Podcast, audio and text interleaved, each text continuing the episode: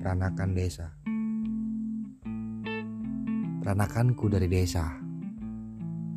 Dalam suatu negara tercinta Ya Indonesia.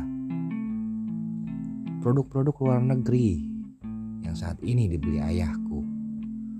Hasil jeripayah berkeliling menjajakan sarapan. Sedih hati muram murka. Jika ku dengar peranakan desa koar-koar dengan bangga. Aku sudah tidak nyaman di Indonesia. Orang-orangnya jadul, tidak modern dan norak. Hei, ini nenek moyangku. Cari makan dalam negeri sendiri, berbakti pun untuk negeri sendiri.